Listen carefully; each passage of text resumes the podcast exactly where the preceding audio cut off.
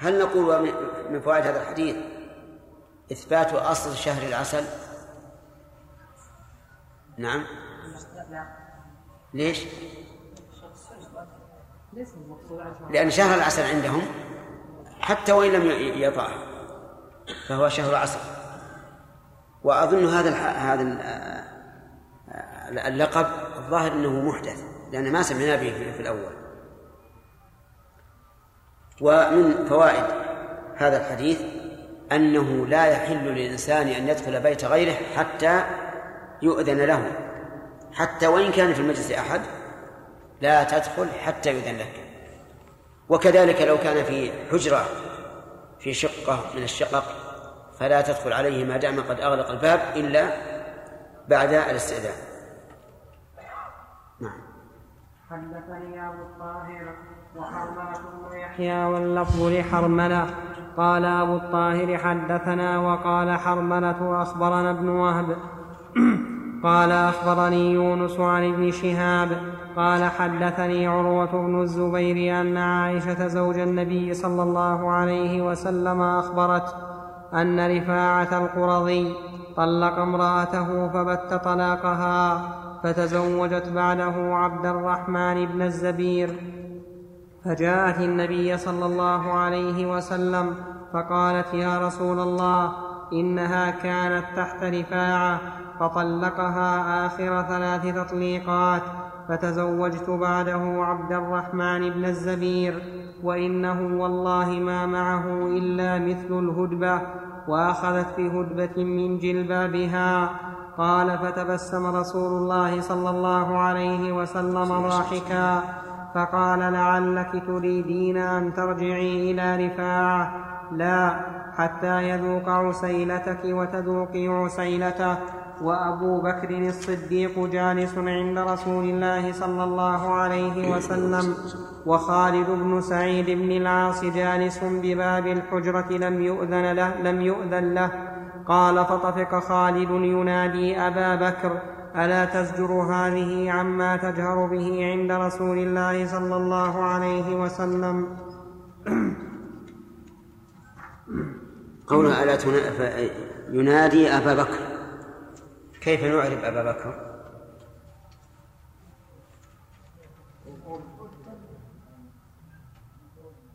نعم.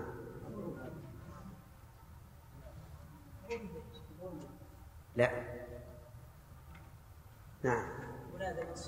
منادى بدليل اللفظ الأول حيث قال في اللفظ الأول يا أبا بكر. إذا فجعل أبا بكر ينادي يا أبا بكر. ويجوز على بوجه آخر لكنه مرجوح أن تكون مفعولا به. نعم. وهذا الحديث فيه التصريح بأنه طلقها آخر. إيش؟ آخر ثلاث تطليقات. نعم.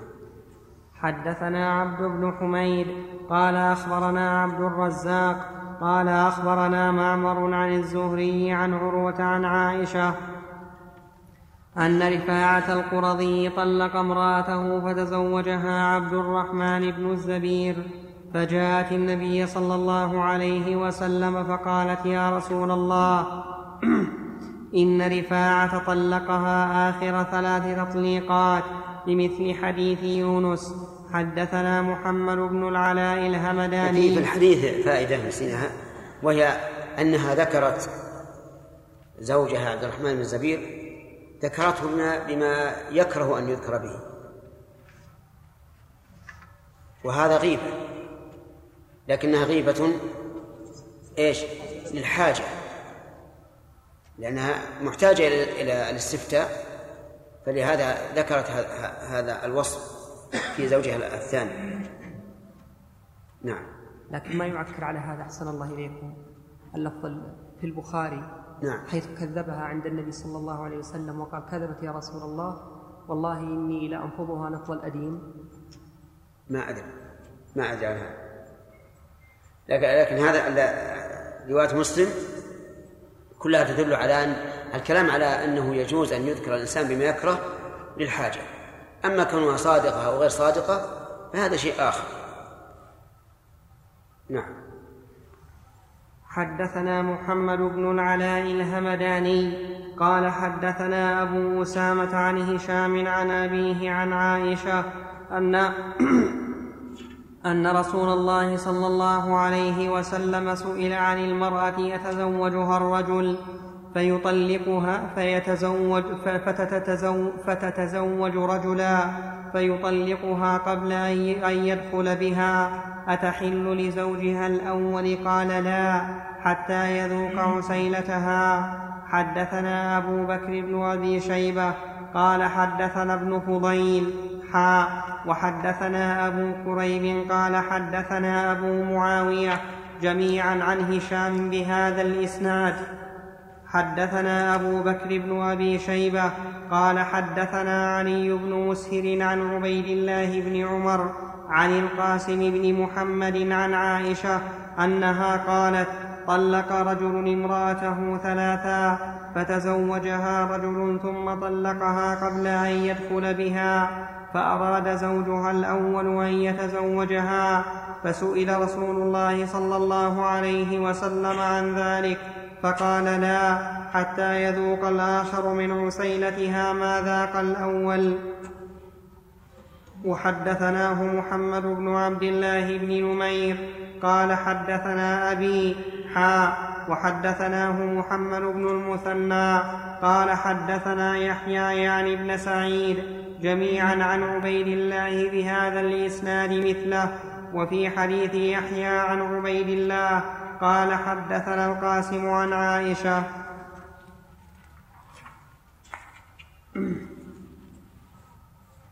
استمع.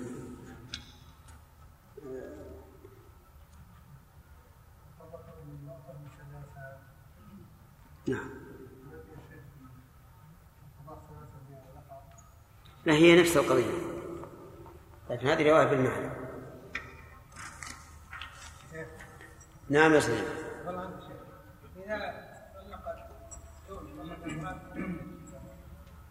إذا إيش؟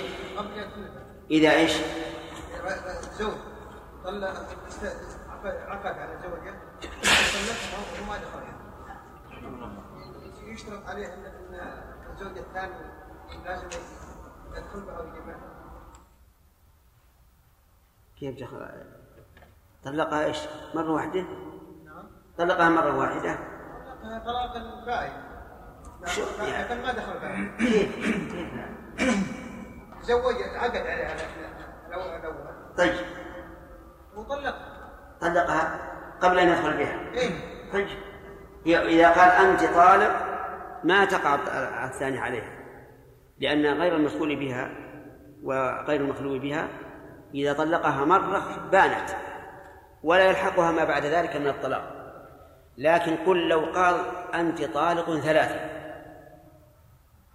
فهذا على الخلاف بين أهل العلم.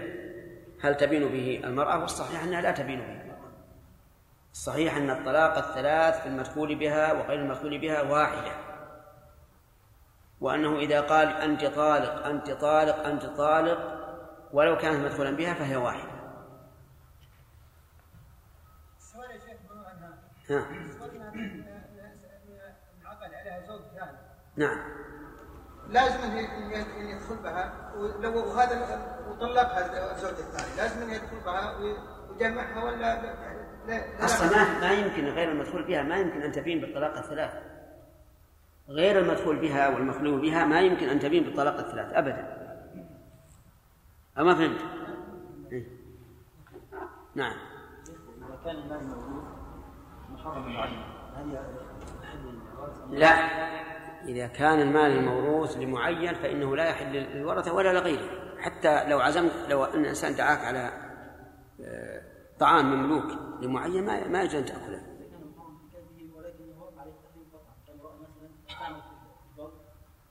إيش؟ من البغي.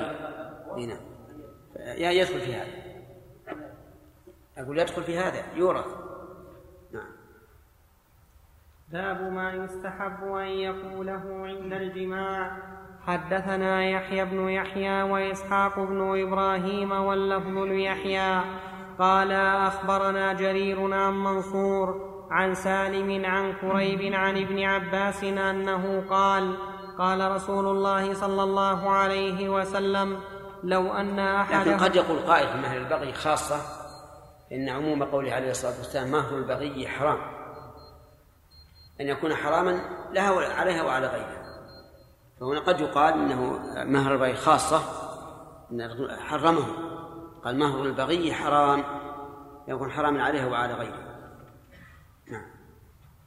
قال قال رسول الله صلى الله عليه وسلم لو أن أحدهم إذا أراد أن يأتي أهله قال بسم الله اللهم جنبنا الشيطان وجنب الشيطان ما رزقتنا فإنه إن يقدر بينهما ولد في ذلك لم يضره شيطان أبدا. هذا من سنن الجماع أن الإنسان إذا أراد أن يجامع فليقل بسم الله. اللهم جنبنا الشيطان وجنب الشيطان ما رزقتنا. وهذا الحديث يدل على أنه لا يكره للإنسان ذكر الله إذا كان قد كشف عورته لأنه لا يمكن أن يجامع إلا بذلك. وهو سيقول اللهم جنبنا الشيطان وجنب الشيطان ما رزقتنا فهو سوف يذكر الله عز وجل ويدعو وقد يقول قائل ألا يمكن أن يكون هذا قبل أن يتهيأ للجماع؟ بمعنى إذا عزم على الجماع قبل أن يتهيأ يقول اللهم جنب الشيطان إلى آخره. فيقال نعم هذا ممكن لكن الاحتمال الأول أقرب أنه عندما يتهيأ تهيئا كاملا. وقوله عليه الصلاة والسلام بسم الله جار مجرور متعلق بإيش؟ بفعل محذوف يقدر مناسبا للفعل فيكون التقدير هنا بسم الله وجامع أو أطع. اللهم جنبنا الشيطان وجنب الشيطان ما رزقتنا. يعني جنبنا الشيطان أن لا يشاركنا في هذا. وجنب الشيطان ما رزقتنا ما المراد به؟ يعني ولد. ولهذا قال فإنه إن يقدر بينه بينهما ولد في ذلك يعني في ذلك الجماع لم يضره الشيطان أبدا. وقوله لم يضره الشيطان أبدا. أشكل على بعض العلماء. وقال إن الإنسان قد يكون ملازما لهذا الذكر في كل جماعة. ومع ذلك يكون من أولاده من هو فاسق أو أكبر من الفاسق. فيقال إن الجواب نعم أجابوا عن هذا بجوابين. الجواب الأول أن المراد لم يضره حين ينخسه إذا ولد. لأنه ما من مولود يولد إلا نخسه الشيطان إلا عيسى بن مريم عليه الصلاة والسلام. فيكون معنى أنه يسلم من نخسته. فلا يضر لو نخس لم يضره. والوجه الثاني وهو أصح. لم يضره الشيطان أي في إغوائه. لكن النبي صلى الله عليه وسلم ذكر السبب والسبب قد يكون له مانع. كما قال عليه الصلاة والسلام كل مولود يولد على الفطرة فأبواه يهودانه أو ينصرانه أو يمجسانه. وكما أن الولد يرث, يرث أباه وإذا كان مخالفا له في الدين إيش؟ لم يرث. فيقال إن النبي صلى الله عليه وسلم بين السبب حثا لنا أن نقوم به. وهذا السبب قد يتخلف لوجود مانع أقوى منه.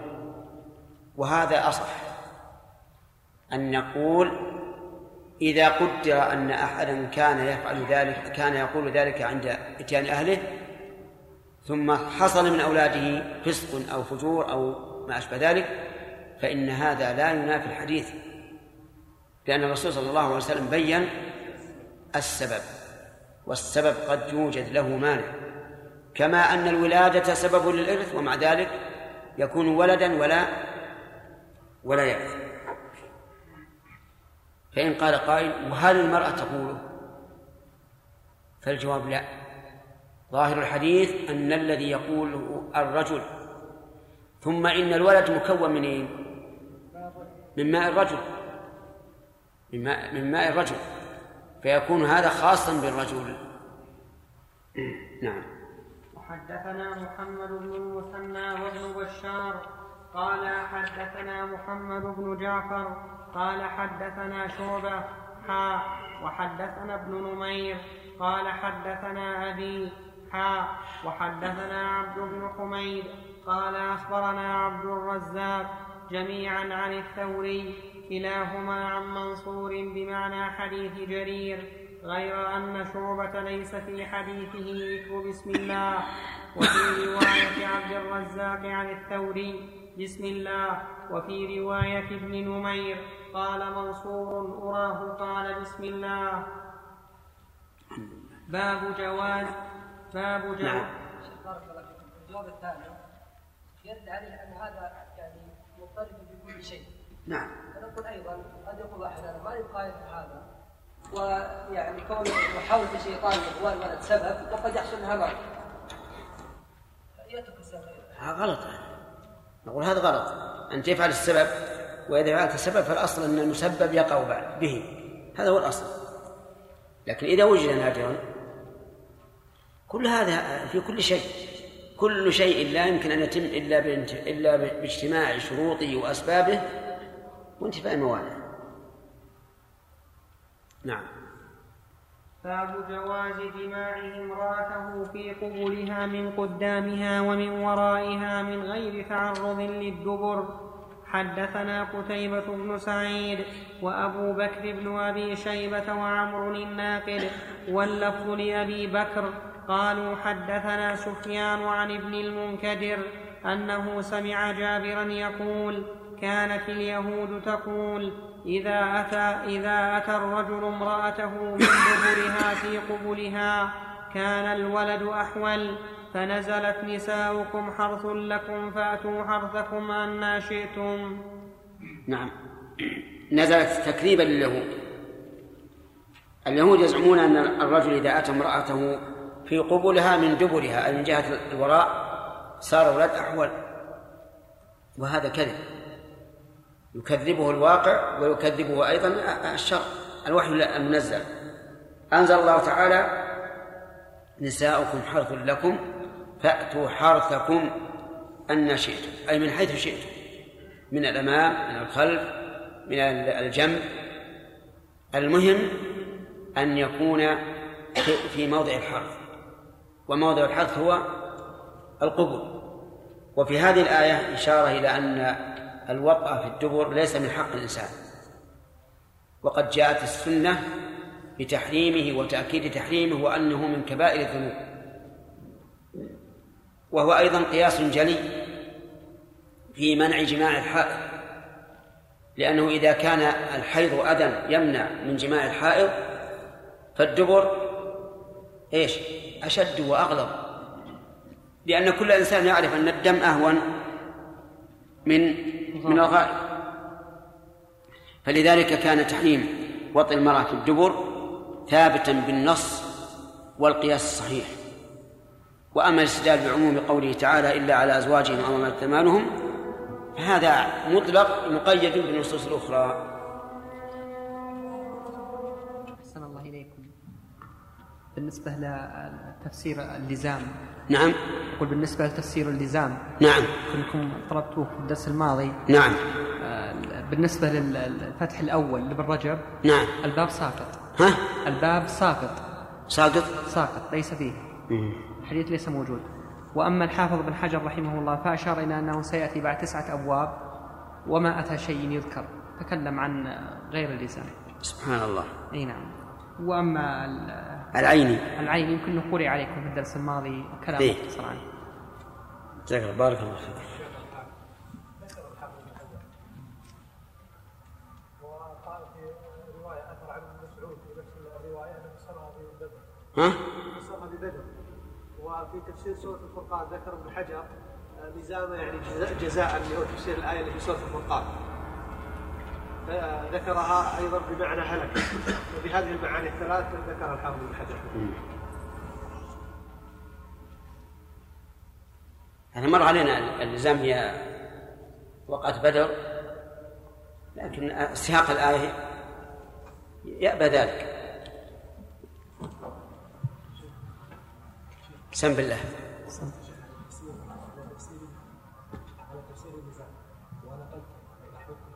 أعطوا خالد بسم الله الرحمن الرحيم.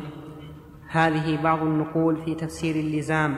قال النووي في تفسير اللزام المراد به قوله سبحانه وتعالى فسوف يكون لزاما أن يكون أن يكون عذابهم لازما. قالوا وهو ما جرى عليهم يوم بدر من القتل وهي البطشة الكبرى. انتهى. وقال المبارك فوري. والصواب أن لزاما غير لازم. لأن اللزام بمعنى ملازم. لأن اللزام مصدر لازم يلازم لزاما كقاتل يقاتل قتالا وجاهد يجاهد جهادا. أي سيكون ملازما لكم. قل ما يعبأ قل ما يعبأ بكم ربي لولا دعاؤكم فقد كذبتم فسوف يكون لزاما أي فسوف يكون تكذيبكم والمراد عقوبته لزاما أي ملازمة لكم.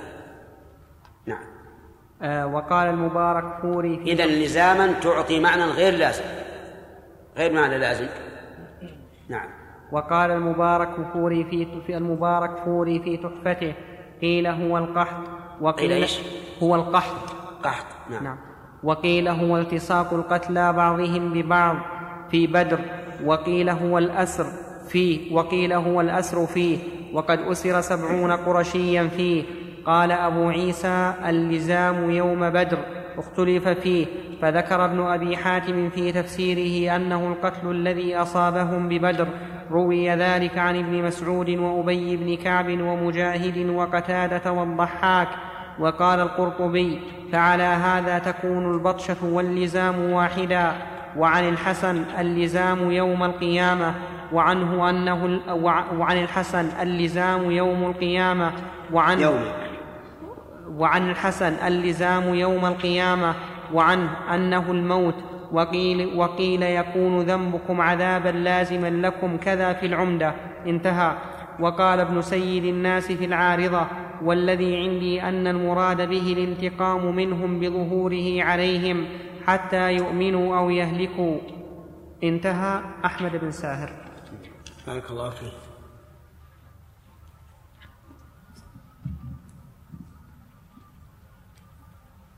نبدأ. سم. بسم الله الرحمن الرحيم. الحمد لله رب العالمين. والصلاة والسلام على أشرف الأنبياء والمرسلين نبينا محمد وعلى آله وأصحابه أجمعين. أما بعد فقد قال الإمام مسلم رحمه الله تعالى في صحيحه في كتاب النكاح في باب ما يستحب أن يقوله عند الجماع. وحدثنا محمد بن المثنى وابن بشار. قال حدثنا محمد بن جعفر. قال حدثنا شعبة. حاء وحدثنا ابن نمير. قال حدثنا أبي. حاء وحدثنا عبد بن حميد. قال أخبرنا عبد الرزاق. جميعا عن الثوري. خلصنا. أي أي نعم. وحدثنا محمد بن رمح قال اخبرنا قال على باب تحريم امتناعها نعم. ذكر قرأنا الحديث الأول من باب جواز جماعة امرأته في قبلها من قدامها ومن ورائها. إيه ما كملناه الباب؟ قرأنا حديث واحد فقط. هو حديث واحد بس فيه روايات. أي اللفظ الأول قرأنا. نعم. وحدثنا محمد بن رمح قال, قال أخبرنا الليث عن ابن الهاد عن أبي حازم عن محمد بن المنكدر عن جابر بن عبد الله أن يهود كانت تقول إذا أتيت المرأة من دبرها في قبلها ثم حمل الحمد لله يرحمكم الله. يهديكم الله ثم حملت كان ولدها أحول قال فأنزلت نساؤكم حرث لكم فاتوا حرثكم عنا شئتم. وحدثناه قتيبة بن سعيد. في هذا الحديث وأمثاله دليل على أن القرآن الكريم بعضه يكون لنزوله سبب وبعضه لا يكون لنزوله سبب. ومعرفة بيان السبب بل ومعرفة السبب تعين على فهم الآية. فمثلا قوله تعالى إن الصفا والمروة من شعائر الله فمن حج البيت أو اعتمر فلا جناح عليه أن يطوف بهما. لو نظرنا إلى ظاهر اللفظ لكان ظاهر اللفظ يقتضي أن يكون السعي أقل أعلى أحواله أن يكون إيش؟ أن يكون مباحا لا جناح عليه. فإذا عرفنا السبب وأن الصحابة كأنهم تورعوا أن يطوفوا بينهما. عرفنا أن المراد بقوله لا جناح عليهما نفي أن المراد نفي المنع وهذا لا يقتضي أن يكون السعي واجبا. ويؤيد قوله من شعائر الله وتعظيم شعائر الله واجب بل هو من تقوى القلوب. وأكثر القرآن نزل بدون سبب. نعم. وحدثناه قتيبة بن سعيد قال حدثنا أبو عوانة حاء وحدثنا عبد الوارث بن عبد الصمد قال حدثني أبي عن جدي عن أيوب حاء وحدثنا محمد بن المثنى قال حدثني وهب بن جرير قال حدثنا شعبة حاء وحدثنا محمد بن المثنى قال حدثنا عبد الرحمن قال حدثنا سفيان حاء وحدثني عبيد الله بن سعيد وهارون بن عبد الله وأبو معن الرقاشي قالوا حدثنا وهب بن جرير قال حدثنا أبي قال سمعت النعمان بن راشد يحدث عن الزهري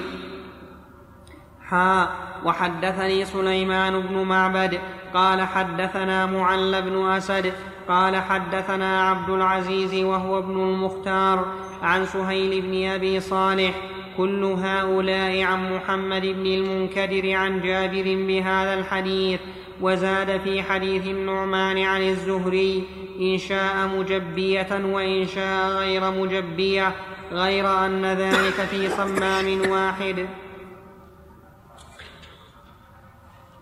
باب تحريم امتناعها من فراش زوجها. وحدثنا محمد بن المثنى وابن بشار واللفظ, واللفظ لابن المثنى. قال حدثنا محمد بن جعفر قال حدثنا شعبة قال سمعت قتادة يحدث عن زرارة بن, ابن أوفى عن أبي, أبي عن أبي هريرة عن النبي صلى الله عليه وسلم أنه قال: إذا باتت المرأة هاجرة فراش زوجها لعنتها الملائكة حتى تصبح. وحدثنيه يحيى بن حبيب قال حدثنا خالد يعني ابن الحارث قال حدثنا شعبة بهذا الإسناد وقال حتى ترجع. هذا الباب فيه بيان أنه لا يجوز للمرأة أن تمتنع إذا طلب زوجها منها أن يجامعها وفيه دليل على أن الحق في ذلك للرجل هو الذي يطلب المرأة. ولكن هل إذا طلبته يحل له أن يمتنع مع القدرة؟ الظاهر أنه لا يحل له لكنه لا لا لا لا, يستحق هذا الوعيد. وإنما قلت ذلك لقول الله تبارك وتعالى ولهن مثل الذي عليهن بالمعروف. فهي إذا طلبت وليس على الزوج ضرر فواجب فالواجب عليه الإجابة. وأما إذا طلبت فالواجب عليها الإجابة لكن إذا امتنعت فإن الملائكة تلعنها حتى تصبح والعياذ بالله. وفيه دليل على علم الملائكة بعمل ابن آدم.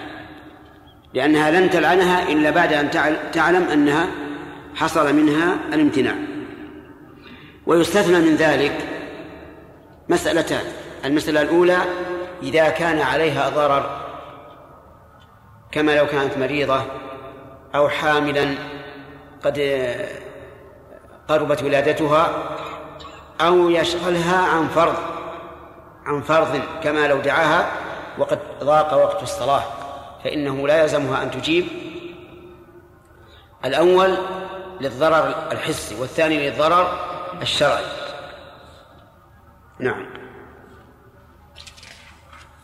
حدثنا ابن أبي عمر قال حدثنا مروان عن يزيد يعني ابن كيسان عن أبي حازم عن أبي هريرة أنه قال قال رسول الله صلى الله عليه وسلم هنا يقول إذا باتت المرأة أنا شرحت الحديث على أنه إذا دعا الرجل إذا إذا باتت المرأة هاجرة فراش زوجها وظاهر الحديث سواء دعاها أم لم يدعها إذا هجرت فراشه فإنه فإنها تستحق هذه اللعنة والعياذ بالله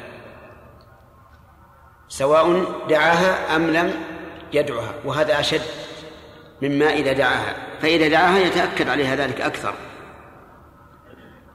نعم.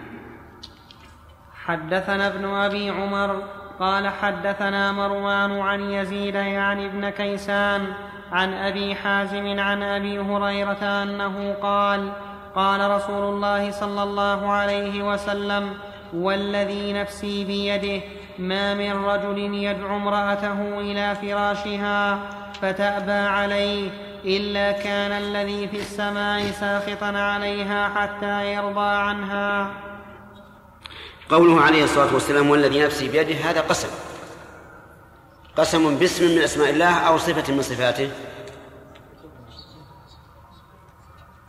صفة من صفاته. صفة من صفاته لأن الذي اسم موصول. ليس له معنى إلا بصلته. والصلة هنا قوله نفسي بيده. مبتدأ وخبر وهو إقرار بأن نفس المرء بيد الله عز وجل. فهل المراد بقوله والذي نفسي بيده أن نفس الإنسان بيد الله عز وجل إن شاء أحياها وإن شاء أماتها؟ كما في قوله تعالى الله يتوفى الأنفس حين موتها والتي لم تمت في منامها فيمسك التي قضى عليها الموت ويرسل الأخرى إلى أجل مسمى.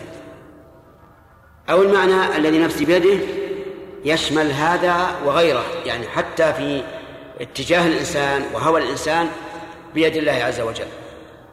الجواب أنه شامل لهذا ولهذا. فأنفسنا بيد الله تدبيرا وخلقا وخلقا كما يشاء عز وجل.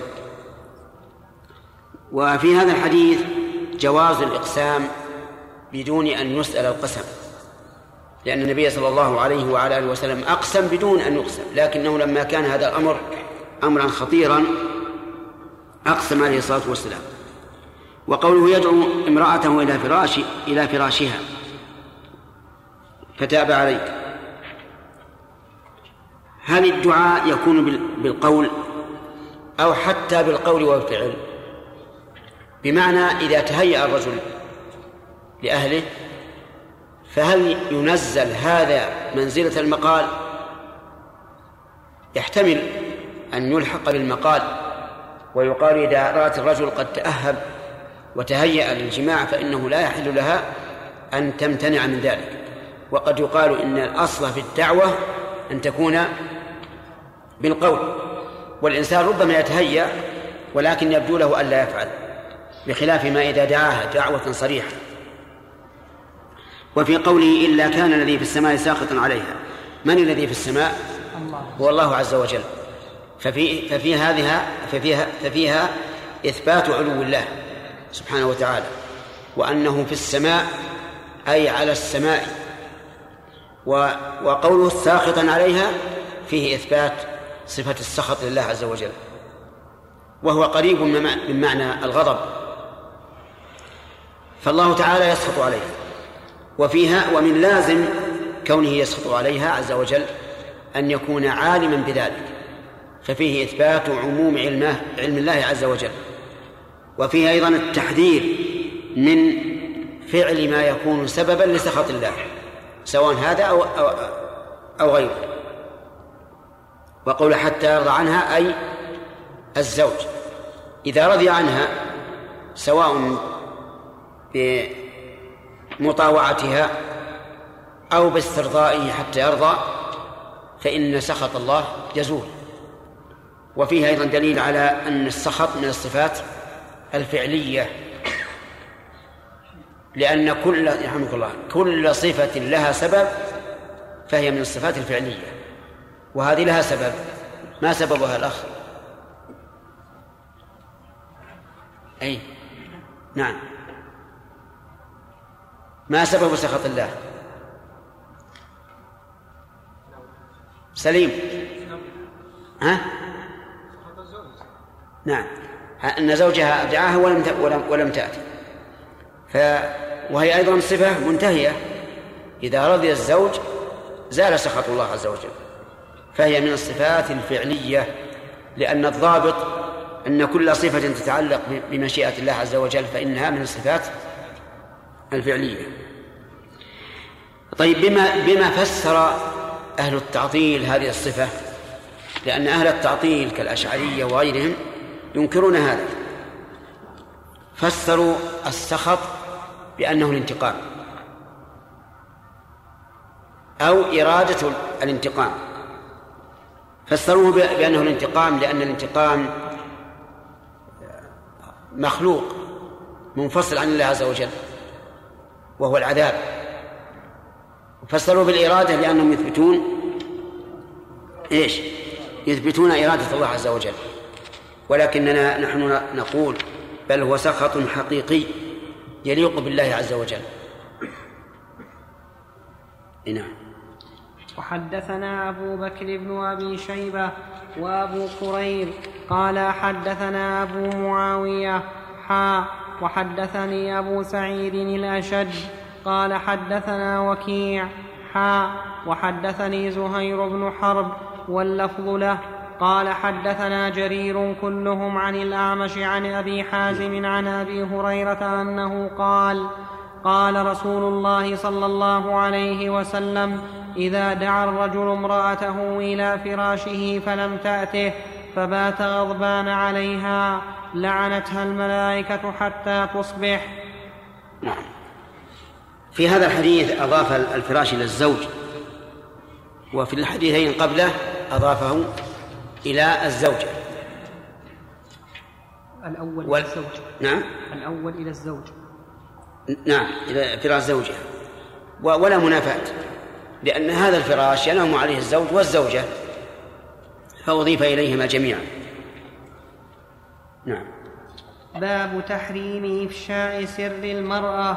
حدثنا أبو بكر بن أبي شيبة قال حدثنا مروان بن معاوية عن عمر بن حمزة العمري قال حدثنا عبد الرحمن بن سعد قال سمعت أبا سعيد الخدري يقول قال رسول الله صلى الله عليه وسلم إن من أشر الناس عند الله منزلة يوم القيامة الرجل يفضي إلى امرأته وتفضي إليه ثم ينشر سرها.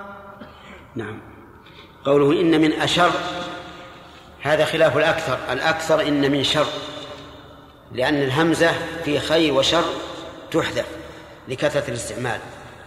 لكنها قد توجد وقوله من أشر الناس منزلة عند الله يوم القيامة أي في الذين يتحدثون عن عن الأسرار.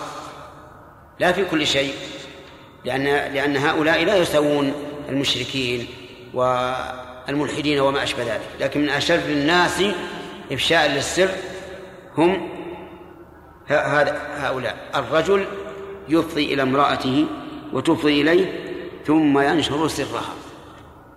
فيقول مثلا فعلت فيها كذا وفعلت كذا وهذا يقع من السفهاء.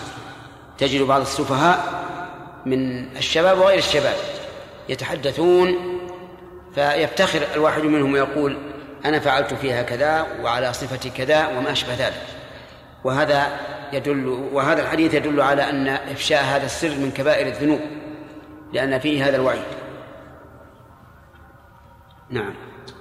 وحدثنا محمد بن عبد الله بن نمير وأبو كريب قال حدثنا أبو أسامة عن عمر بن حمزة عن عبد الرحمن بن سعد أنه قال سمعت أبا سعيد الخدري يقول قال رسول الله صلى الله عليه وسلم إن من أعظم الأمانة عند الله يوم القيامة الرجل يفضي إلى امرأته وتفضي إليه ثم ينشر سرها. وقال ابن نمير إن أعظم نعم. هذا كالأول. فيه التحذير من إفشاء السر. لكن لو أن أحدا جاء يستفتي بمعنى أنه جامع امرأته على صفة معينة فجاء يستفتي هل يجوز هذا أو لا؟ فإنه لا يدخل في ذلك. لأن هذا ليس قصده.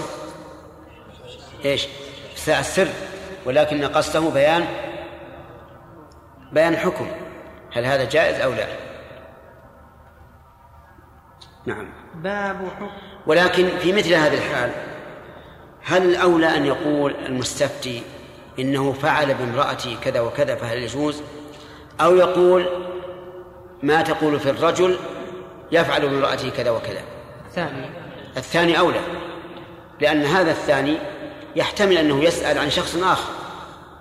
أما الأول فهو صريح بأنه يسأل عن فعله واجتناب هذا لا شك أنه أولى. نعم. سمير. نعم. إي نعم. لأن بعض الناس يكون رجلا طيبا ويكون مرنا. إن تيسر له ما يريد فذاك وإلا آه، لا يهتم بهذا. نعم. نعم. إي نعم. فالظاهر إنها مثله وأن ذكر الرجل إنما هو على سبيل الأغلب لأن الغالب على النساء الحياء وأنها لا تفشي سر زوجها. لكن ان فعلت فلا فرق. نعم. في إيش؟ الحكم واحد. الحكم واحد وذكر الفراش هذا بناء على الأغلب. نعم. باب حكم العزل. يعني لو دعا الرجل امرأته إلى إلى إلى إلى هذا في غير فراشه مثل أن يكون قد نزل ضيفا على أقاربه أو ما أشبه ذلك فالحكم واحد. لكن ذكر الفراش بناء بناء على الغالب إي نعم. لكن أحسن الله إليك هذا يحرج النساء. نعم. هذا محرج للمرأة يا شيخ. يعني طبعا ما هو بشيء لما مجلس النساء يقول يلا امشي امشي ل- للحجرة لا, لا، لكن إذا كان معد لهم حجرة هو وزوجته في بيت المضيفين. نعم. وش تستحي هي مثلا أن يرى عليها أثر الاغتسال؟ لا لا أبدا أبدا. الحكم واحد ولا في حياة. نعم. باب حكم العزل وحدثنا يحيى بن أيوب وقتيبة بن سعيد وعلي بن حجر قالوا حدثنا إسماعيل بن جعفر قال وفي مثل هذا يمكن أن تقول له والله نستحي عند الناس. لكن أنا الحمد لله الآن غالب البيوت يكون فيها حمامات وتكون صادة وما أشبه ذلك. لكن إذا قالت له ربما يقنع ولا ولا يغضب عليها. نعم. باب حكم العزل. وحدثنا يحيى بن أيوب وقتيبة بن سعيد وعلي بن حجر قالوا حدثنا إسماعيل بن جعفر قال أخبرني ربيعة عن محمد بن يحيى بن حبان بن حبان عن ابن محيريز أنه قال دخلت أنا وأبو صرمة على أبي سعيد الخدري فسأله أبو صرمة فقال يا أبا سعيد هل سمعت رسول الله صلى الله عليه وسلم يذكر العزل؟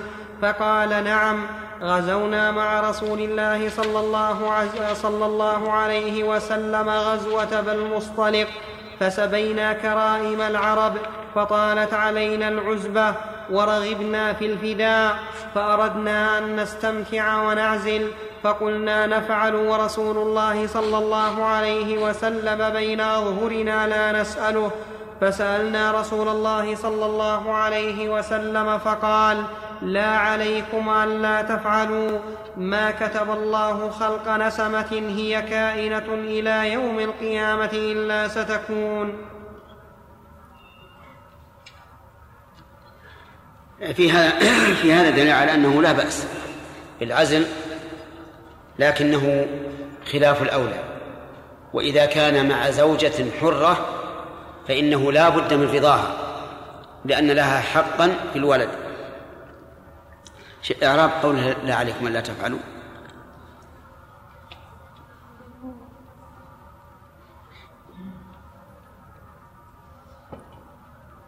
لا عليكم ألا تفعلوا. نعم. معناه ما عليكم ضرر في ترك العزل لأن كل نفس قدر الله تعالى خلقها لا بد أن يخلقها سواء عزلتم أم لا. وما لم يقدر وما لم يقدر خلقها لا يقع. سواء عزلتم أم لا فلا فائدة في عزلكم فإنه إن كان الله تعالى قدر خلقها سبقكم الماء فلا ينفع فلا ينفع حرصكم في منع الخلق. وفي هذا الحديث دلالة لمذهب جماهير العلماء أن العرب يجري عليهم الرق كما يجري على العجم. وأنهم إذا كانوا مشركين وسبوا جاز استرقاقهم لأن بني المصطلق عرب عرب صلب صلبية من خزاعة وقد استرقوهم ووطئ ووطئوا سباياهم واستباحوا بيعهن وأخذ, فداء وأخذ فدائهن. وبهذا قال مالك والشافعي في قوله الصحيح الجديد وجمهور العلماء هو. جمهور. نعم وجمهور العلماء وقال أبو حنيفة والشافعي في قوله القديم لا يجري عليهم الرق لشرفهم والله أعلم. الصواب أنه يجري عليه وأن النصوص عامة. صار معنى لا عليكم لا بمعنى ما يعني ما عليكم شيء إذا لم تفعلوا. يعني إذا لم تعزلوا. المعنى لا يهمكم عزلتم أم لم تعزلوا؟ إذا كان الله تعالى قد قدر الولد فلا بد أن يكون. سواء عزل الإنسان أم لا. ولكن العزل سبب لمنع الولد بلا شك. والعزل معناه أن الرجل إذا جامع زوجته وقارب الإنزال نزع حتى يكون الإنسان خارج الم- المحل. ومعلوم أن الولد إنما يخلق من الماء من الماء الدافق تكلم على قوله يا شيخ. نعم. تكلم في المفهم نعم. على قوله لا عليكم ألا تفعلوا. نعم. وق- وقوله وقد سئل عن العزل لا عليكم ألا تفعلوا. العزل هو أن ينحي الرجل ماءه عند الجماع عن الرحم فيلقي فيل في- فيلقيه خارجه. والذي حركهم للسؤال عنه أنهم خافوا أن يكون محرما. لأنه قطع للنسل ولذلك أطلق عليه الوأد الخفي واختلف في قوله لا عليكم ألا تفعلوا ففهمت طائفة منهم النهي والزجر عن العزل كما حكي عن الحسن ومحمد بن المثنى. وكأن هؤلاء فهموا من لا النهي عما سئل عنه وح وح وحذ وح وحذف بعد وحذف بعد قوله لا حذف. وحذف بعد قوله لا فكأنه قال لا تعزلوا وعليكم ألا تفعلوا تأكيدا لذلك النهي. وفهمت طائفة أخرى منهم الإباحة وكأنها, جع وكأنها جعلت جواب السؤال قوله لا عليكم ألا تفعلوا أي ليس عليكم جناح في ألا تفعلوا.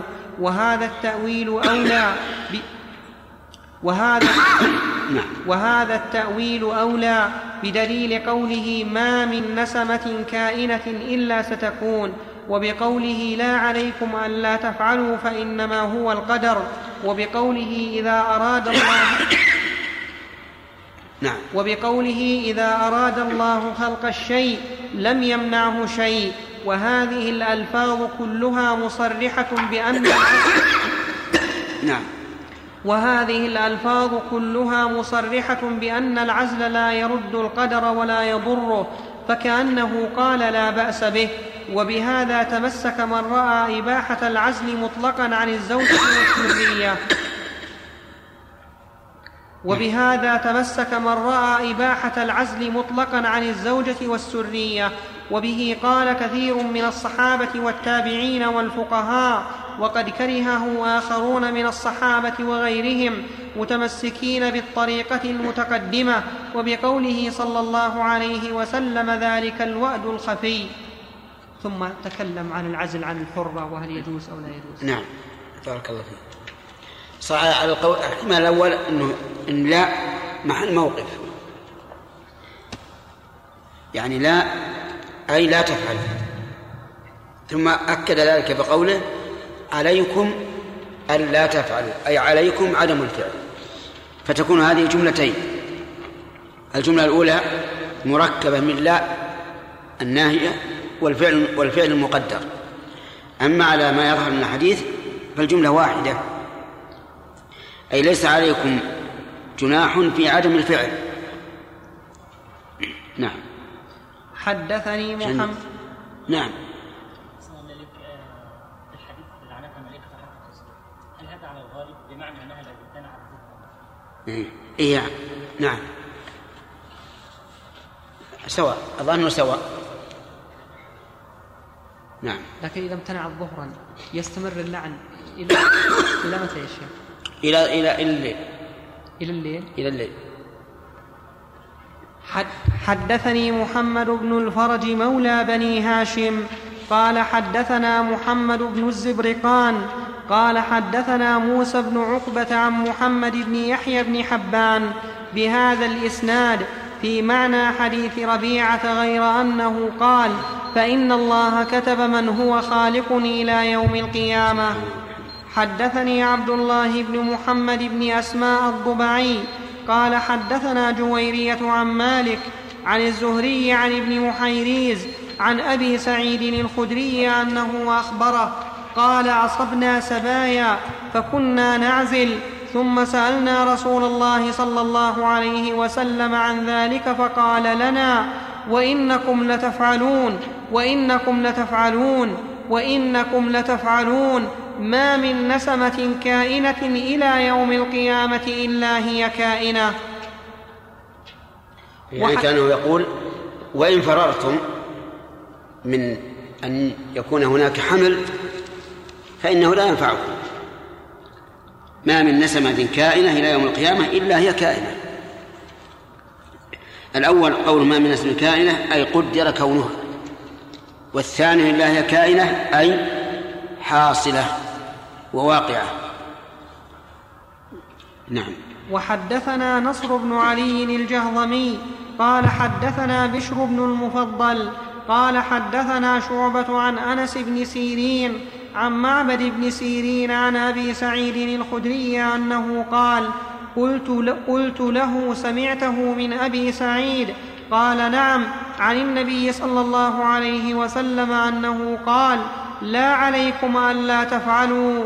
فإنما هو القدر. وحدثنا محمد بن المثنى وابن بشار قال حدثنا محمد بن جعفر حا وحدثنا يحيى بن حبيب قال حدثنا خالد يعني ابن الحارث حا وحدثني محمد بن حاتم قال حدثنا عبد الرحمن بن مهدي وبهز قالوا جميعا حدثنا شعبة عن أنس بن سيرين بهذا الإسناد مثله غير أن في حديثهم عن النبي صلى الله عليه وسلم أنه قال في العزل لا عليكم ألا تفعلوا ذاكم فإنما هو القدر.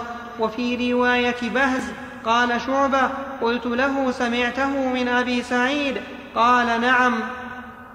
وحدثني أبو الربيع الزهراني وأبو كامل الجحدري واللفظ لأبي كامل قال حدثنا حماد وهو ابن زيد قال حدثنا أيوب عن محمد عن عبد الرحمن بن بشر بن مسعود رده إلى أبي سعيد الخدري قال سئل النبي صلى الله عليه وسلم عن العزل فقال لا عليكم ألا تفعلوا ذاكم فإنما هو القدر قال محمد وقوله لا عليكم أقرب إلى النهي وحدثنا محمد بن المثنى قال حدثنا معاذ قال حدثنا معاذ بن معاذ قال حدثنا ابن عون عن محمد عن عبد الرحمن بن بشر الأنصاري قال فرد الحديث حتى رده إلى أبي سعيد الخدري قال ذكر العزل عند النبي صلى الله عليه وسلم فقال وما ذاكم؟ قالوا الرجل تكون له المرأة ترضع فيصيب منها ويكره أن تحمل منه والرجل تكون له الأمة فيصيب منها ويكره أن تحمل منه. قال فلا عليكم ألا تفعلوا ذاكم فإنما هو القدر. قال ابن عون فحدثت به الحسن فقال والله لكأن هذا زجر. وحدثني حجاج بن الشاعر قال حدثنا سليمان بن حرب قال حدثنا حماد بن زيد عن ابن عون أنه قال حدثت محمدا عن إبراهيم بحديث عبد الرحمن بن بشر يعني حديث العزل فقال إياي حدثه عبد الرحمن بن بشر. حدثنا محمد بن المثنى قال حدثنا عبد الأعلى قال حدثنا هشام عن محمد عن معبد بن سيرين قال قلنا لأبي سعيد هل سمعت رسول الله صلى الله عليه وسلم يذكر في العزل شيئا؟ قال نعم. وساق الحديث بمعنى حديث ابن عون إلى قوله القدر. حدثنا عبيد الله بن عمر القواريري وأحمد بن عبده قال ابن عبدة أخبرنا وقال عبيد الله حدثنا سفيان بن عيينة عن ابن أبي نجيح عن مجاهد عن قزعة عن أبي سعيد الخدري أنه قال ذكر العزل عند رسول الله صلى الله عليه وسلم فقال ولم يفعل ذلك أحدكم؟ ولم يقل فلا يفعل ذلك أحدكم؟ فإنه ليست نفس مخلوقة إلا الله خالقها. قول نفس مخلوقة يعني قدر أن تخلق إلا الله خالقها يعني لا بد أن يخلقها. فالعزل وإن عزل الإنسان فإن المرأة قد تحمل. لكنه كما قلنا هو سبب بلا شك يعني أن العزل سبب لعدم الحمل. نعم. حدثني. حدثني هارون بن سعيد الأيلي قال حدثنا عبد الله بن وهب قال أخبرني معاوية يعني بن صالح عن علي بن أبي طلحة عن أبي الوداك عن أبي سعيد الخدري سمعه انه سمعه يقول سئل رسول الله صلى الله عليه وسلم عن العزل فقال ما من كل الماء يكون الولد وإذا أراد الله خلق شيء لم يمنعه شيء. لا شك في هذا أن الله عز وجل إذا أراد أن يخلق شيئا لم يمنعه شيء. فهذا آدم خلق من طين وحواء خلقت من ضلع وعيسى عليه الصلاة والسلام خلق من دون من دون ماء الرجال. لكن ما سوى ذلك فلا بد من ماء. فيكون معنى قول ما من كل الماء يكون العزل أي ما لا يشترط أن يكون كل الماء يندفق في رحم المرأة بل لو آه، حصل جزء يسير فإن الله تعالى يخلق منه الإنسان. فيكون معنى ما من كل بل من البعض. نعم. الله هل يؤخذ من العزل من إباحة العزل إباحة ما سواه بيجينا ما ما كملت الحديث نعم. حدثني أحمد بن المنذر البصري قال حدثنا زيد بن حباب قال حدثنا معاوية قال أخبرني علي بن أبي طلحة الهاشمي عن أبي الوداك عن أبي سعيد الخدري عن النبي صلى الله عليه وسلم بمثله. حدثنا أحمد بن عبد الله بن يونس قال حدثنا زهير قال أخبرنا أبو الزبير عن جابر أن انتهت الروايات عن أبي سعيد رضي الله عنه وأتى برواية أخرى. نعم. أن رجلا أتى رسول الله صلى الله عليه وسلم فقال إن لي جارية هي خادمنا وثانيتنا وأنا أطوف عليها وأنا أكره أن تحمل فقال اعزل عنها إن شئت. فإنه سيأتيها ما قدر لها فلبث الرجل ثم أتاه فقال إن الجارية قد حبلت فقال قد أخبرتك أنه سيأتيها ما قدر لها. الله سبحان الله.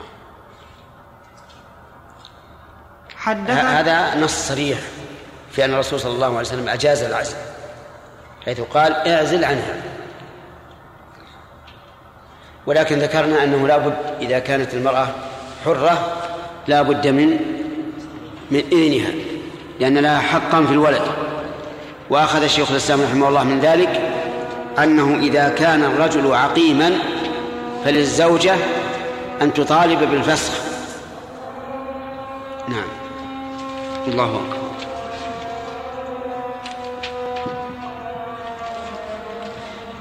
نكمل الحديث في هذا.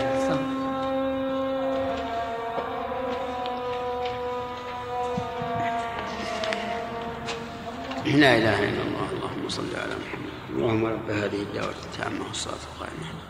آت محمد الوسيلة والفضيلة والفتح مقام محمود إنك لا تكون نكمل؟ حدثنا سعيد بن عمرو الأشعثي قال حدثنا سفيان بن عيينة عن سعيد بن حسان عن عروة بن عياض عن جابر بن عبد الله أنه قال سأل رجل النبي صلى الله عليه وسلم فقال إن عندي جارية لي وأنا أعزل عنها. فقال رسول الله صلى الله عليه وسلم إن ذلك لن يمنع شيئا أراده الله. قال فجاء الرجل فقال يا رسول الله إن الجارية التي كنت ذكرتها لك حملت فقال رسول الله صلى الله عليه وسلم أنا عبد الله ورسوله. وحدثنا حجاج بن الشام. وإنما قال ذلك لأن الأمر وقع كما أخبر. إن الله إذا أراد شيئا فلا مانع له. وهذا هو الذي حصل في هذه القضية. فلهذا أكد النبي صلى الله عليه وآله وسلم هذا بقوله أنا عبد الله ورسوله. نعم. وحدثنا حجاج بن الشاعر قال حدثنا أبو أحمد الزبيري قال حدثنا سعيد بن حسان قاص أهل مكة قال أخبرني عروة بن عياض بن عدي بن الخيار النوفلي عن جابر بن عبد الله أنه قال جاء رجل إلى النبي صلى الله عليه وسلم بمعنى حديث بمعنى حديث سفيان حدثنا أبو بكر بن أبي شيبة وإسحاق بن إبراهيم.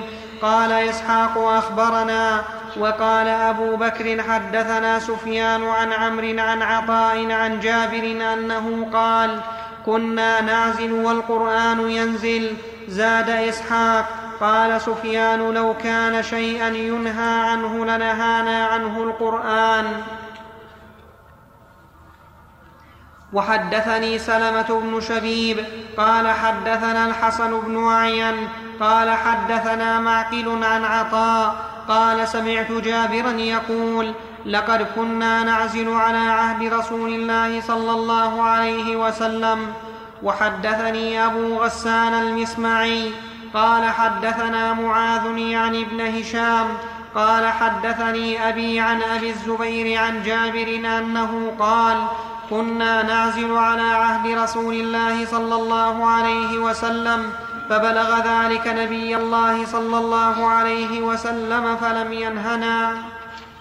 وهذا اللفظ الأخير صريح في أن الحكم مرفوع إلى النبي صلى الله عليه وسلم صريحا لأنه قال بلغه ولم ينهن أما قوله كنا نفعله على عهد الرسول صلى الله عليه وعلى آله وسلم فهذا مرفوع حكما.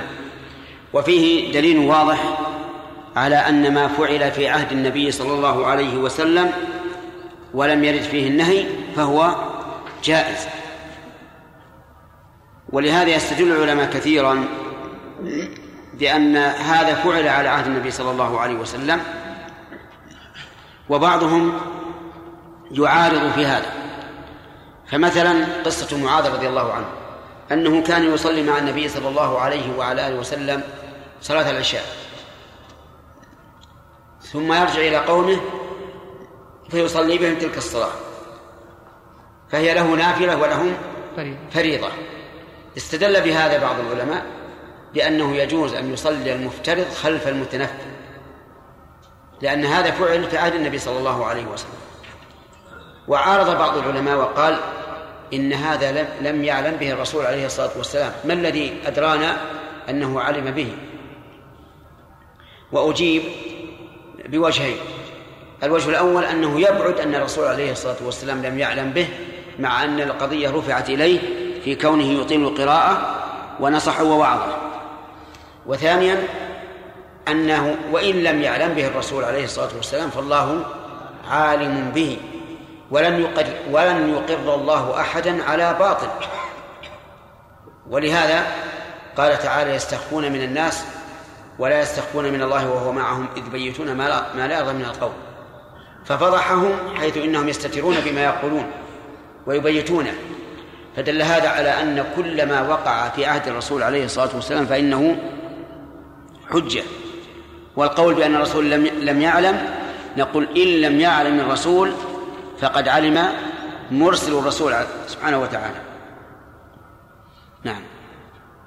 نعم.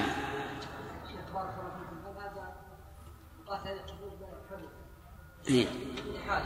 آه وعلى كل حال هذا الحديث يدل على جواز العزل لكنه آه ليس دليلا واضحا ولهذا استنبط بعض محمد بن سيرين والحسن أن الرسول عليه عليه الصلاة والسلام قال ذلك وأنه أقرب إلى الزجر ولا شك أنه خلاف ما أراد النبي صلى الله عليه وسلم. لأن النبي صلى الله عليه وعلى آله وسلم يريد من أمته أن يكثر النسل أن يكثر النسل فيهم حيث قال تزوجوا الودود الولود. لكن إذا دعت الحاجة إلى ذلك فلا بأس به. إما لكون الأم ضعيفة البنية أو مريضة أو ما أشبه هذا فلا بأس به. وإلا فإنه مكروه. فإن أبت المرأة فهو محرم. مثل ذلك استعمال الحبوب بل هو شر منه. لأن هذه الحبوب كما بلغني ضارة. بالنسبة للمرأة ضارة عليها من كل وجه. فإن قال قائل وهل يجوز للمرأة أن تستعمل حبوبا تمنع الحمل بدون رضا زوجها؟ فالجواب لا بلا شك. فإذا كان الزوج لا لا يعزل إلا بإذن الزوجة فاستعمال هذه الحبوب من المرأة بدون إذن الزوج محرم. ولا يجوز لأنه له حق في الولد. في طريقة أخرى الآن يست... يست... تستعملها النساء غير مسألة الحبوب. ويسمونها اللولب. اللولب. بعض الناس قال إن اللولب حرام من جهة أنه يقتل الحيوانات المنوية وهذا غلط. لأن الحيوانات المنوية ليست حيا محترما ولذلك يابسه يفرك ويضمحل ويزول ورطبه يغسل. لكن إذا كان هناك مضرة على المرأة به فهنا فمن هنا نأخذ المال. شيء؟ نعم. أحسن الله إليك. بعض النساء أول ما تتزوج ما تدري يعني عن حال الرجل معها وربما الرجل لا يكون مستقيما أو لا تستقيم له على حال. فتأخذ مثلا مانع إما من حبوب منع الحمل أو شيء من هذا تقول حتى إذا رأيت مثلا الأمور تسير كما يرام تدع المانع. ما لا يجوز. يعني بعض النساء تستعمل ما يمنع الحمل في أول الزواج لأنها لا تدري ما يقابلها من الزوج. وهذا لا يجوز لأن له الحق. وينبغي للإنسان أن يتفاءل وأن لا يغلب جانب الشؤم. وإذا كان شاكة في الرجل فمن الأصل لا, لا تجيبه. هل أحد أكرهها على أن تجيبه وتتزوج به؟ ما أكره أحد. نعم. قل يا أخي. سبحان الله. قل يا شيخ صلى رواية سعيد إيش؟ قول للماء يكون الولد. نعم. يؤخذ شيخ منه آية من آيات نبوته صلى الله عليه وسلم. كيف؟ يؤخذ منه آية من آيات نبوته صلى الله عليه وسلم. كيف ذلك؟ ثبت الحين علميا أن الولد لم يكن؟ لأنه ثبت الحين علميا أي نعم. أن الولد لم يكن من نطفه واحدة ما, ما أدري. إيه لكن بس كيف يكون آية؟ الشيخ قوله ما من كل قلنا يكون من بعض الماء. أي نعم. يعني ما هو مو غريبة مو غريبة. الآية لابد أن تكون خارجة عن العادة. نعم.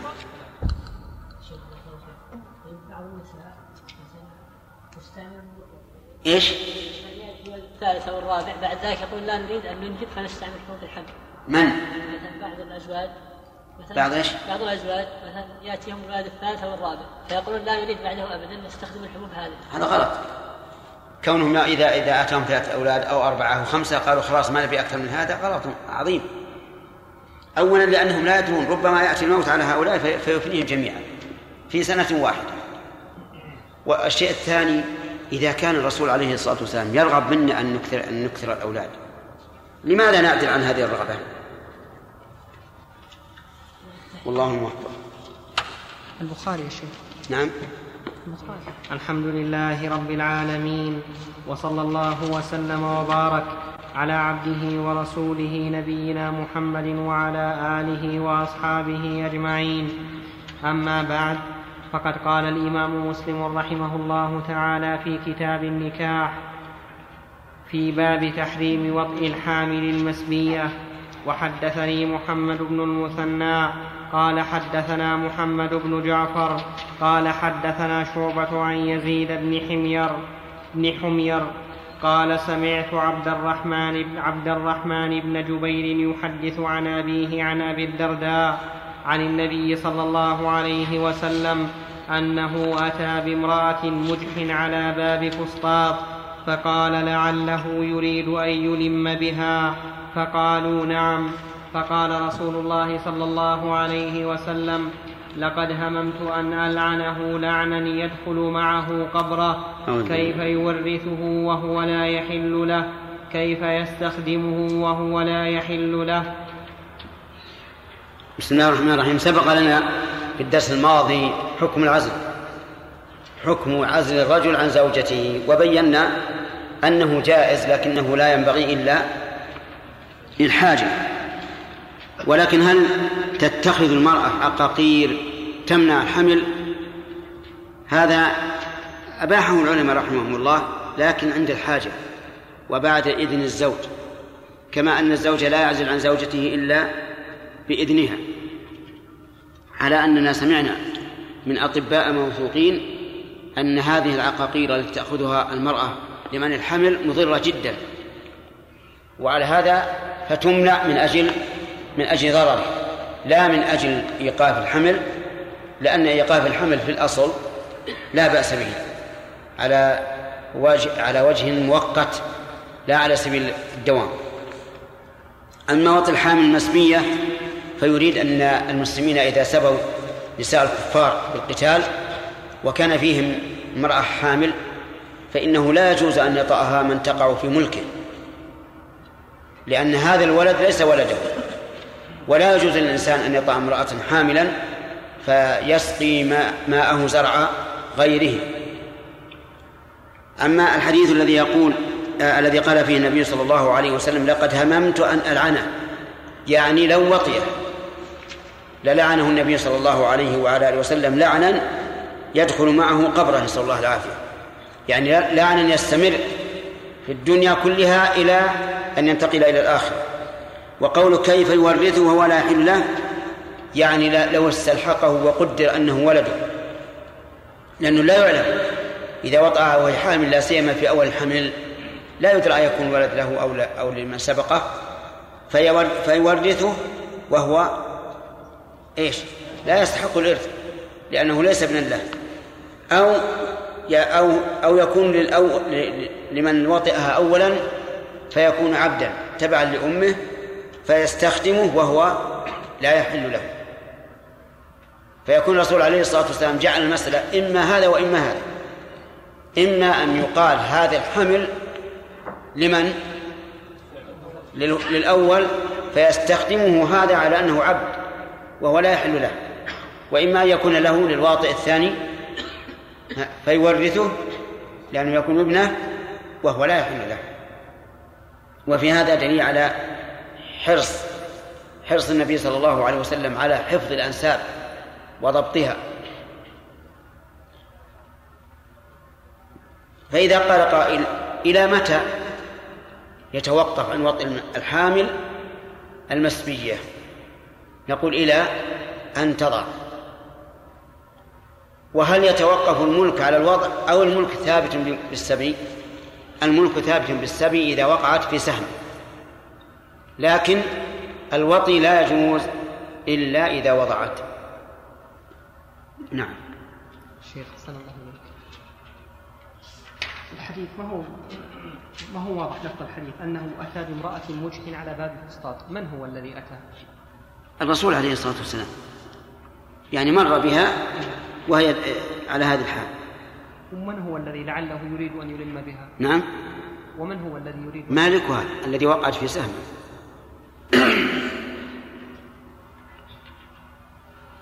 نعم. باب جواز الغ... باب جواز الغيلة وهي وطء المرضع وكراهة العزل. وحدثنا خلف بن هشام قال حدثنا مالك بن أنس. حا وحدثنا يحيى بن يحيى واللفظ له.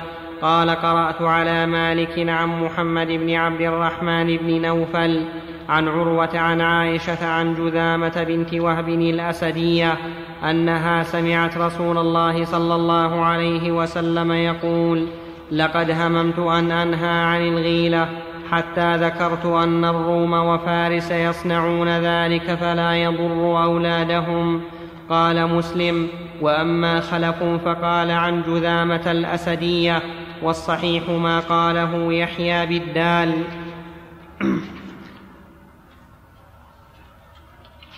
حد نعم.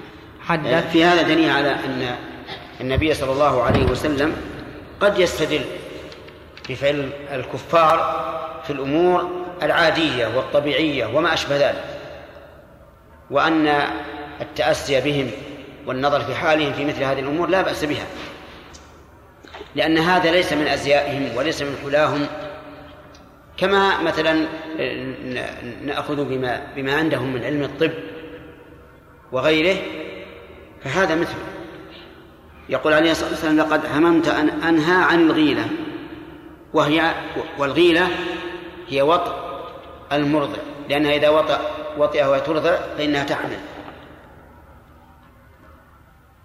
نعم. حدثنا عبيد الله بن سعيد ومحمد بن أبي عمر قال حدثنا المقري قال حدثنا المقرئ قال حدثنا سعيد بن أبي أيوب قال حدثني أبو الأسود عن عروة عن عائشة عن جدامة بنت وهب أخت, عك... أخت عكاشة قالت حضرت رسول الله صلى الله عليه وسلم في أناس وهو يقول لقد هممت أن أنهى عن الغيلة فنظرت في الروم وفارس فإذا هم يغيلون أولادهم فلا يضر ذلك أولادهم شيئا ثم سألوه عن العزل فقال رسول الله صلى الله عليه وسلم ذلك الوأد الخفي قول عليه الصلاة والسلام ذلك الوعد الخفي لأنه بعزله منع الإيلاد فكأنه قتله لكنه ليس الوعد الظاهر لأن الوعد قتل الأولاد أو قتل النساء الإناث خاصة وهذا ظاهر وخفي. أما الظاهر فهو معروف أن الناس في الجاهلية كانوا يقتلون البنات يدفنونها وهن أحياء والعياذ بالله. كما قال تعالى وإذا بشر أحدهم بالأنثى ظل وجهه مسودا وهو كظيم يتوارى من القوم يختفي منه من سوء ما بشر به. ثم يردد في نفسه أيمسكه على هون أم يدسه في التراب؟ قال الله تعالى ألا ساء ما يحكمون. في الحكمين جميعا في إمساكهن على هون أي على ذل وخذلان أو آه، دسهن في التراب أي آه، دفنهن وهن أحياء. ف و و ولكن الرسول لم ينهى عن ذلك. جعلها وعدا خفيا ولكنه لم لم ينهى عن ذلك. وهل نقول إن هذا يدل على ما ذكره الأطباء الآن أن الحيوانات المنوية كائنات حية؟ لأنه إذا عزل وأنزل الماء خارج الفرج فإن هذا الماء ييبس ويزول و ويذهب تذهب مادة معنويته أو يذهب ما فيه من خاصية. فهل نقول إن هذا دليل على ما ذهب إلى الأطباء الآن؟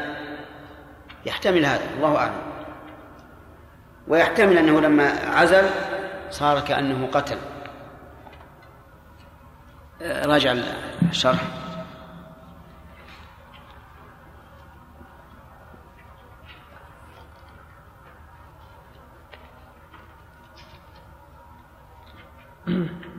قوله صلى الله عليه وسلم لقد هممت أن أنهى عن الغيلة حتى ذكرت أن الروم وفارس يصنعون ذلك فلا يضر أولادهم. هنا يا شيخ ولا الوعد الخفي؟ الوعد الخفي. ثم سألوه عن العزم فقال رسول الله صلى الله عليه وسلم ذلك الوعد الخفي. وإن شئت أن تحدثنا بهذا لا بأس. طيب.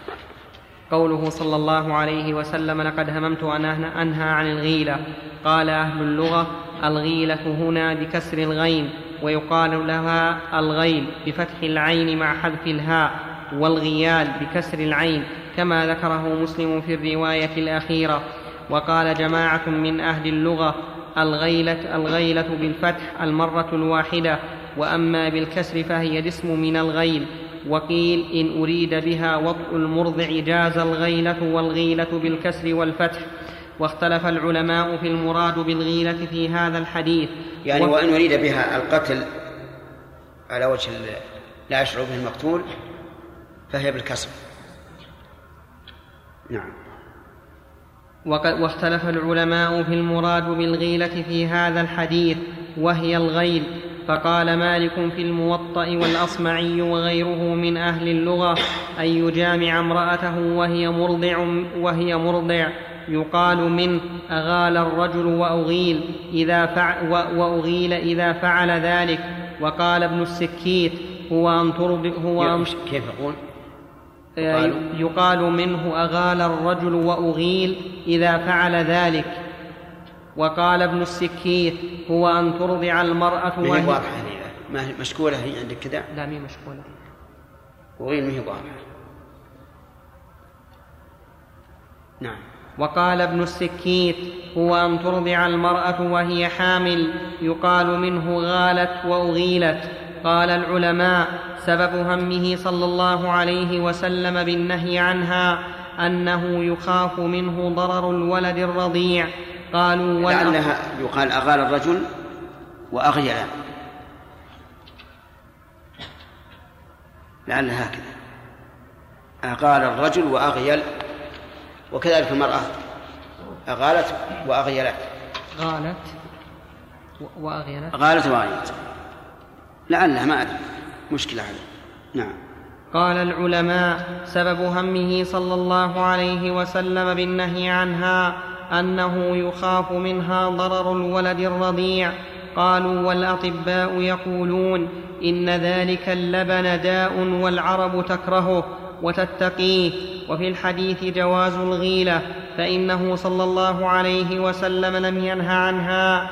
وبين سبب وبين سبب ترك النهي وفيه جواز الاجتهاد لرسول الله صلى الله عليه وسلم وبه قال جمهور أهل الأصول وقيل لا يجوز لتمكنه من الوحي والصواب الأول قوله صلى الله عليه وسلم فإذا هم يغيرون. لا شك أن الصواب الأول والقرآن يشهد له قال الله تعالى عفى الله عنك لما أذنت لهم حتى يتبين لك الذين صدقوا وتعلم الكاذبين.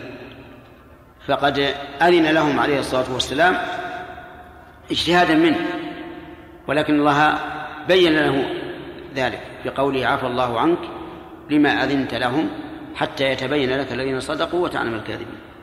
نعم.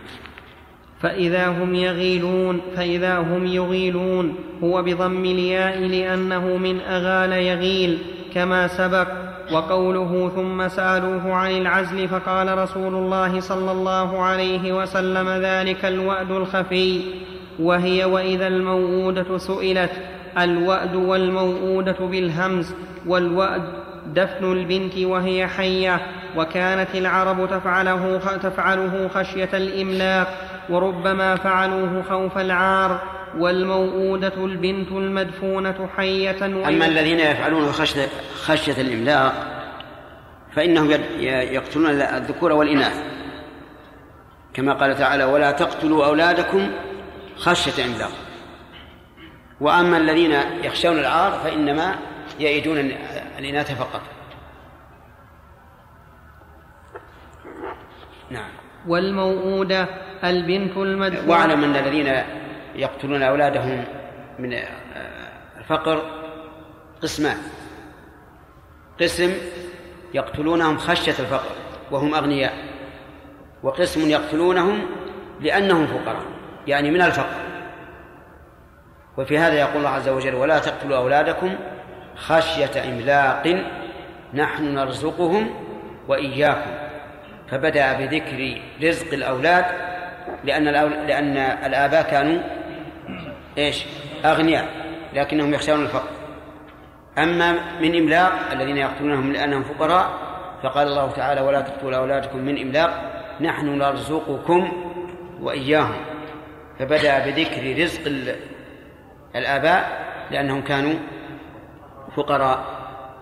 وهذا من بلاغة القرآن. ولا كان قد يقول قائل كيف؟ في الأول بدأ بال بالأولاد وهنا بدأ بالآباء نقول السبب واضح. نعم. ويقال وأت المرأة وأدت المرأة ولدها وأدا قيل سميت موؤودة لأنها تثقل بالتراب وقد سبق لأنها إيش؟ لأنها تثقل بالتراب. نعم. وقد سبق في باب العزل وجه تسمية هذا وأدا وهو مشابهته الوأد في تفويت الحياة وقوله في هذا الحديث وإذا الموءودة سئلت معناه أن العزل يشبه الوأد المذكور في هذه الآية. إذا الموءودة سؤال يعني يوم القيامة تسأل. لماذا ولدت وهذا إنما يراد بذلك تقبيح فعل من وأده وإلا فهي مظلومة. لكن تسأل توبيخا وإشهارا لظلم الذي وأده نعم.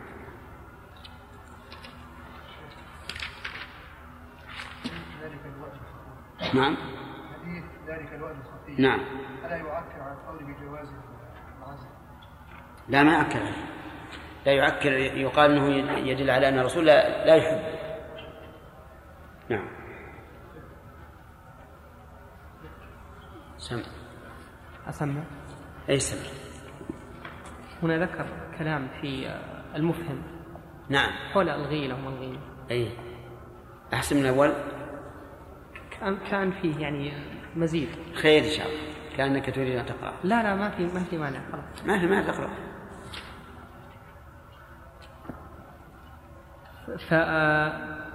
فأحدهما أن الغيلة هي أن إيش يجعل عاد إيش؟ آه، تفسير آه، الغيلة. هو, هو ذكر قوله لقد أممت أن أنهى عن الغيلة بكسر الغين لا غير وهي معنى الاسم من الغيل. وإذا دخلت عليه الهاء فليس إلا الكسر وإذا حذفت الهاء فليس إلا الفتح في الغين. وقال بعضهم يقال الغيلة بالفتح للمرة الواحدة من الغيل. وللغويين وللغو وللغويين في تفسيرها قولان. أحدهما أن الغيلة هي أن يجامع الرجل امرأته وهي ترضع. حكي معناه عن الأصمعي. يقال منه غال الرجل المرأة وأغالها وأغيلها. وثانيهما انها أنها أن ترضع المرأة وهي حامل. يقال منه عندك وأغيلها بالضم لا مش قول أجل أغيلها. وأغيلها. وأغيلها. وثانيهما أنها أن ترضع المرأة وهي حامل. يقال منه غالت وأغالت وأغيلت. قاله ابن السكيت. قلت والحاصل أن كل واحد منهما يقال عليه غيلة في اللغة. وذلك أن هذا اللفظ كيفما دار. إنما يرجع إلى الضرر والهلاك. ومنه تقول العرب غالني أمر كذا أي أضر بي. وغالته الغول أي اهلكته وكل واحدة من الحالتين المذكورتين مضرة بالولد ولذلك يصح أن في لغتنا غاله يعني خنق. خنق أمسك برقبته حتى يكتم نفسه ويموت. نعم. ولذلك يصح أن تحمل الغيره في الحديث على كل واحد منهما. فأما ضرر المعنى الأول فقالوا إن الماء يعني المني يغيل اللبن أي يفسده. ويسأل عن تعليله أهل الطب. وأما الثاني فضرره بين محسوس فإن لبن الحامل داء وعلة في جوف الصبي يظهر أثره عليه. ومراده صلى الله عليه وسلم بالحديث المعنى الأول دون بالمعنى الأول دون الثاني. ومراده صلى الله عليه وسلم بالحديث المعنى الأول دون الثاني؟